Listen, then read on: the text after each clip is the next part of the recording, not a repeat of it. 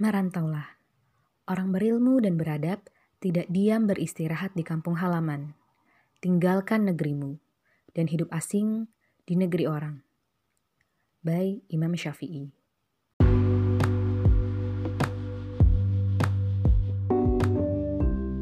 Assalamualaikum warahmatullahi wabarakatuh. Halo teman-teman, kali ini aku cerita tentang perjalananku, khususnya perjalanan merantau. Oke, jadi gimana sih perjalanan aku dari Bekasi di Indonesia sampai ke Glasgow di Skotlandia ini? Di sini aku mau cerita beberapa hal, yaitu berkas, transportasi, akomodasi, dan barang bawaan. Pertama tentang berkas.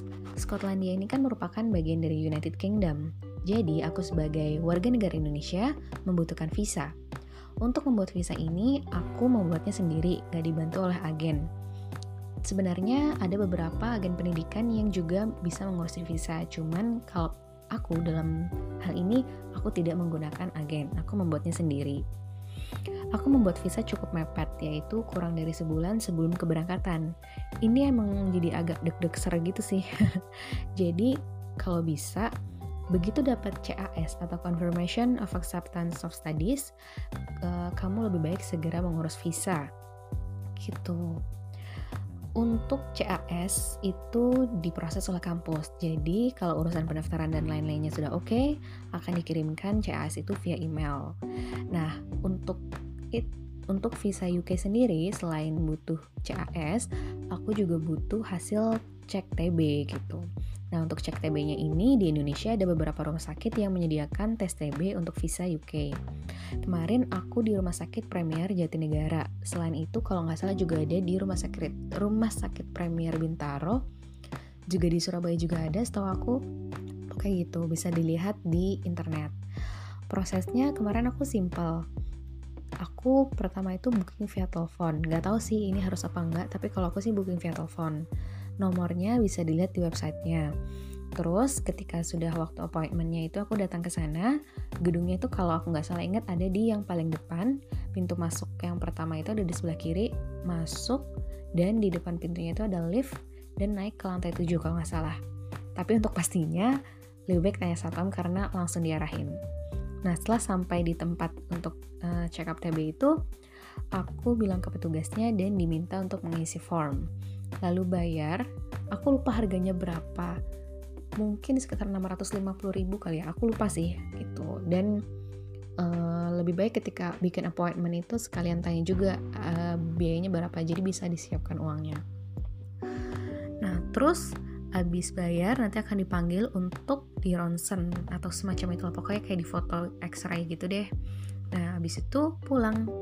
Hasilnya bisa diambil besok tapi aku pernah baca di blog orang kalau dia bisa diambil sore itu di hari itu juga gitu. Tapi ya tanya aja ke mbak-mbaknya diambilnya kapan. Setelah uh, hasil TB-nya sudah ada ini bisa diproses untuk bikin visa jadi untuk bikin visa ini teman-teman bisa cari referensinya di internet gitu. Aku kemarin googling dengan keyword cara membuat visa UK sendiri dan itu banyak banget gitu. Termasuk juga banyak yang uh, nulis tentang visa student gitu. Karena mungkin kan visa student sama yang turis beda. Nah itu tuh kayak cukup lengkap sih di internet kemarin aku lihat.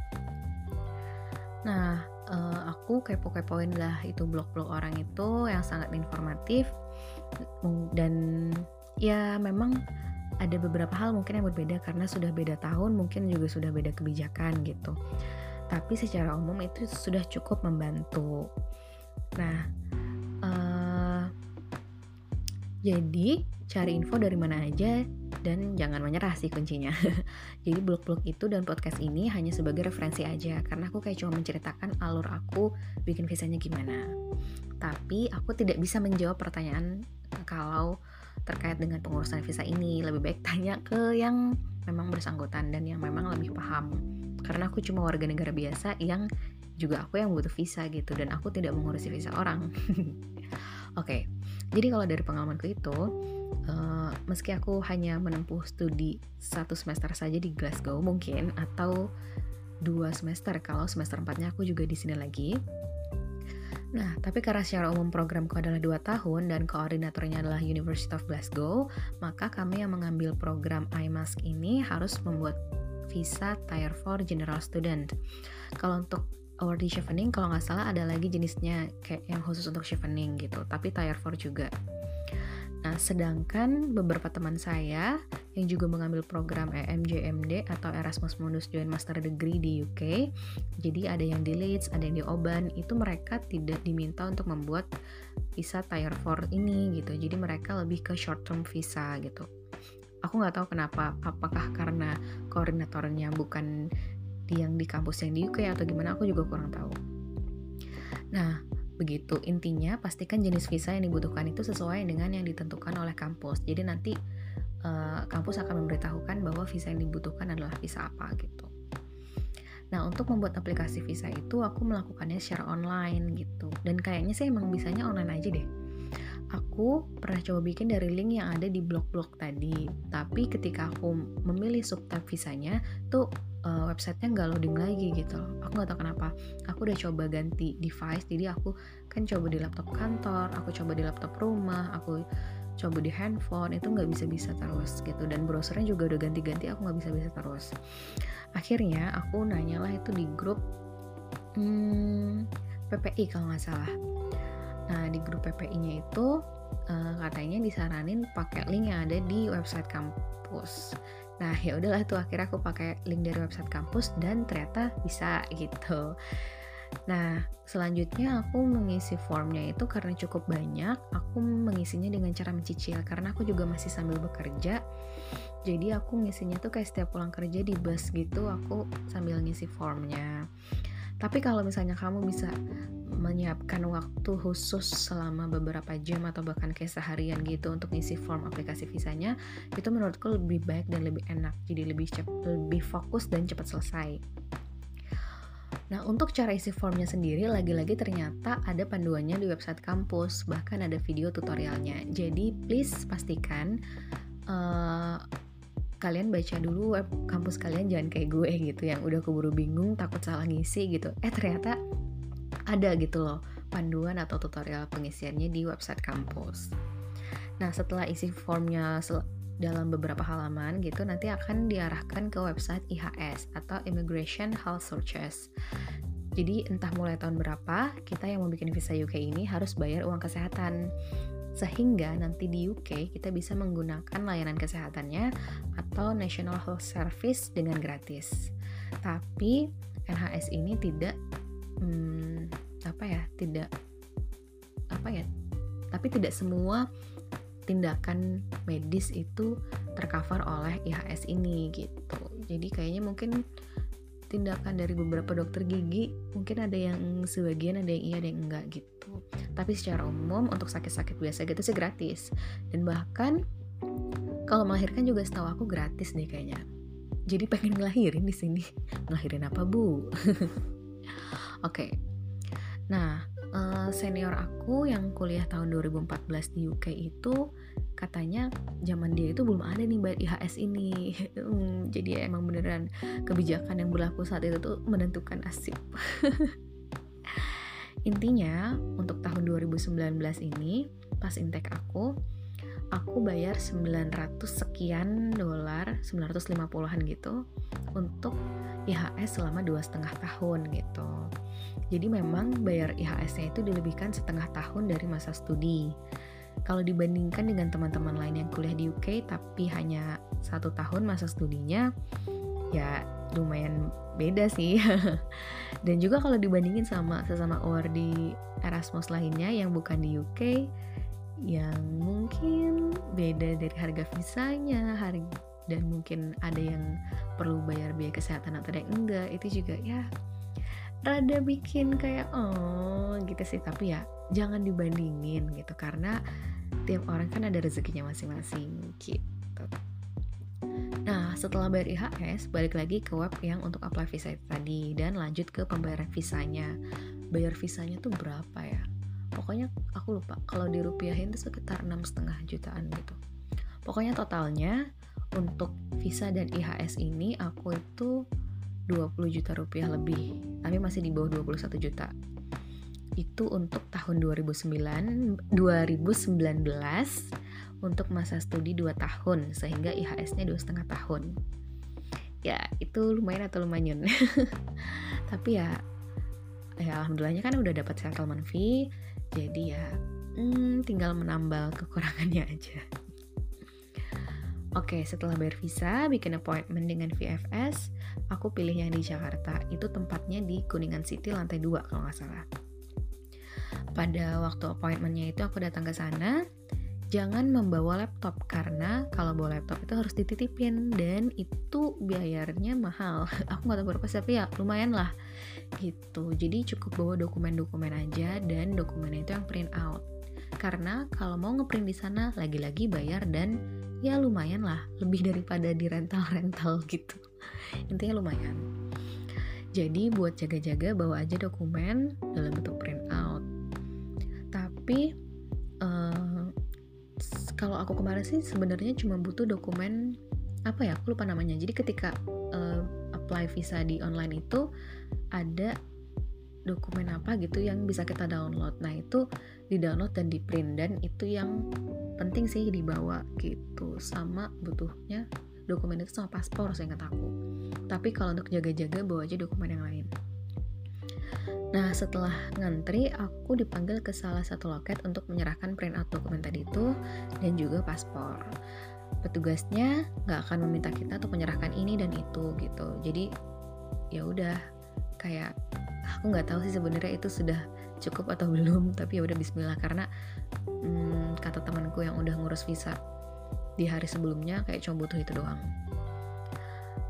Lagi juga kan aku udah upload scanan hasil TB aku waktu apply online visa gitu. Jadi nggak aku kasih lagi tuh hasil uh, tes TB-nya daripada suruh bayar lagi kan. Oke habis itu aku antri untuk rekam biometrik habis itu pulang Nah, untuk visa yang reguler ini, aku kan pakai visa yang pengurusannya reguler. Itu masa tunggunya itu maksimal 15 hari kerja. Kalau untuk yang jalur cepat, eh pokoknya adalah itu itu yang kilat itu bisa lima hari kerja tapi kayak bayar lagi berapa juta gitu aduh udah deh aku yang reguler aja kalau nanti ada waktu libur nanti akan dikasih tahu dikasih tahu juga sama petugasnya. Jadi 15 hari kerja itu tuh tapi hari ini ada hari libur mbak gitu. Jadi kan lebih mundur lagi mungkin. Nah itu jadi kita bisa estimasi kira-kira visanya tuh paling mentok jadinya kapan gitu kalau visanya diterima. Dan bisa jadi sih lebih cepat dari 15 hari itu gitu. Nah saat sedang menanti visa itu tiba-tiba aku dapat email lagi untuk mengirimkan scan TB aku, hasil TB, hasil tes TB aku. Aduh, aku nggak tahu kenapa itu ya udah, aku langsung kirim aja ke alamat email yang ada di email tersebut gitu kan. Nah, setelah nunggu-nunggu, temen aku yang appointmentnya sehari sebelum aku itu, dia udah dapet tuh. Nah, aku belum. Berapa hari tuh aku. Terus kayak, ya ampun, yang awalnya santuy aja gitu. Karena toh maksimal 15 harinya itu sekitar tiga hari sebelum hari keberangkatan aku gitu. Eh, terus uh, aku ada disuruh ngirim scan TB itu kan sedangkan temen aku enggak terus aku kayak ya janjian aku makin mundur lagi. Kalau makin mundur lagi nanti kalau sampai hari keberangkatan belum jadi kan nggak bisa. Nah udah gitu ternyata maskapai aku ngasih penerbangan dan nawarin mau reschedule atau refund. Aduh bingung deh. Kalau mau refund memang refund full tapi harga tiket tuh kayak udah nggak ada lagi yang segitu gitu. Sedangkan kalau reschedule aku juga nggak yakin ini visanya gimana ya gitu. Belum lagi emang gak beda jauh sih waktu sampainya. Itu tapi aku kayak udah uh, janjian sama landlord aku yang menjemput aku jam segitu gitu. Nanti kan aku kayak ya lah udah ditawarin dijemput terus kayak nawar lagi pindah jam kayak gitu ribet lah. Itu aku sudah mulai resah dan gelisah. Nah hmm, akhirnya sekitar hari ke-12 itu aku pada malam hari ketika aku lagi susah tidur karena hmm, cemas gitu akhirnya aku dapat email untuk ambil visa. View alhamdulillah. Akhirnya di hari ke-13 itu aku ambil visa dan alhamdulillah visa aku nggak ada masalah alias diterima. Barulah itu aku bisa nafas lega. Tapi habis itu aku langsung ngurus reschedule tiket pesawat itu. Uh, kontak-kontakan ber beberapa kali tektokan sama customer service-nya yang alhamdulillah responsif tapi memang agak lama. Ya emang karena berproses lah ya gitu. Akhirnya keesokan harinya urusan tiket pun aman gitu. Jadi alhamdulillah visa aman tiket pun aman. Oke. Nah berkaitan dengan tiket ini kita lanjut ke bahasan kedua ya bahasan kedua tentang transportasi. Ini aku nggak tahu kenapa random banget beli tiket ketika masih jauh-jauh hari. Entah itu udah mulai ngurus visa atau belum tapi yang jelas itu kayak masih lama. Itu gara-garanya aku udah dapet uh, udah terima settlement fee-nya gitu dari Erasmus. Terus aku lihat-lihat harga tiket pesawat dan kebetulan nemu harga Jakarta Glasgow cuma transit dua kali dan itu harga 8 juta itu langsung pesen dan langsung bayar dong aku. Sebenarnya ini antara bagus dan gak bagus karena bagusnya karena harganya ini enak banget sih gitu. Karena makin lama harganya melambung-melambung dan sebenarnya itu di hari yang ketika aku beli itu juga untuk option-option yang lain tuh kayak udah di atas 10 juta semua gitu. Dengan maskapai yang lain atau ya dengan transitnya macam-macam lah gitu. Emang waktu itu di itu kan aku belinya dari Traveloka. Nah kalau yang di Skyscanner itu ada sih harganya kayak tapi beda tipis. Dan itu transitnya banyak banget gitu. Bahkan ada yang transitnya sampai ganti bandara. Lah gue belum pernah ke Eropa ya. Kalau perlu transitnya ganti bandara nanti gue bingung sendiri gitu. Akhirnya ya udahlah tuh. Begitu aku lihat ada Garuda dan British jadi transit dua kali di Singapura dan London aja itu langsung lah aku pesan gitu. Jadi harga 8 juta itu uh, dapat penerbangan Jakarta Singapura dengan Garuda dan Singapura London lalu London Glasgow dengan British dengan bagasi 23 kg itu aku nggak tahu 23 kg itu cukup apa atau, atau enggak gitu. Aku nggak mikir. Karena aku juga belum pernah pergi jauh yang selama ini gitu. Nah tapi setelah uh, ternyata di cancel kan terus akhirnya aku ditawarin untuk reschedule itu ganti jadi KLM yang tulisannya sih satu kali transit doang di Amsterdam gitu bagasinya juga 23 kilo nah um, habis itu jadi uh, dari aku akhirnya naiknya KLM dari Jakarta ke Amsterdam dan dari Amsterdam ke Glasgow. Tapi dari Jakarta ke Amsterdam ini aku mampir dulu di KL.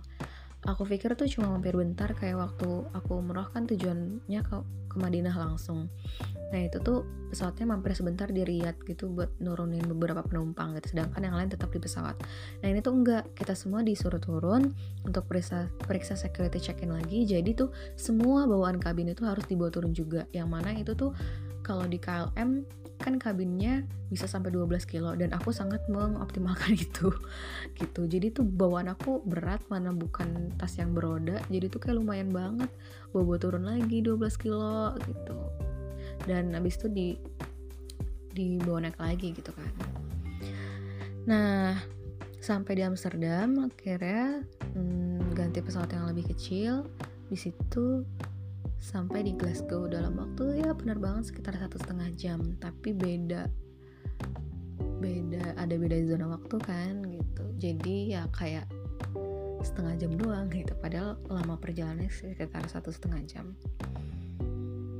Nah, nyampe di Glasgow, alhamdulillah aku dijemput sama landlord aku. Ini tuh kayak jarang-jarang gitu. Maksudnya kayak nggak semua teman-teman aku dijemput sama landlordnya. Bahkan aku nggak tahu deh selain aku siapa lagi yang dijemput sama landlord karena mereka tuh kebanyakan uh, ke tempat tinggalnya sendiri gitu dari bandara naik taksi gitu.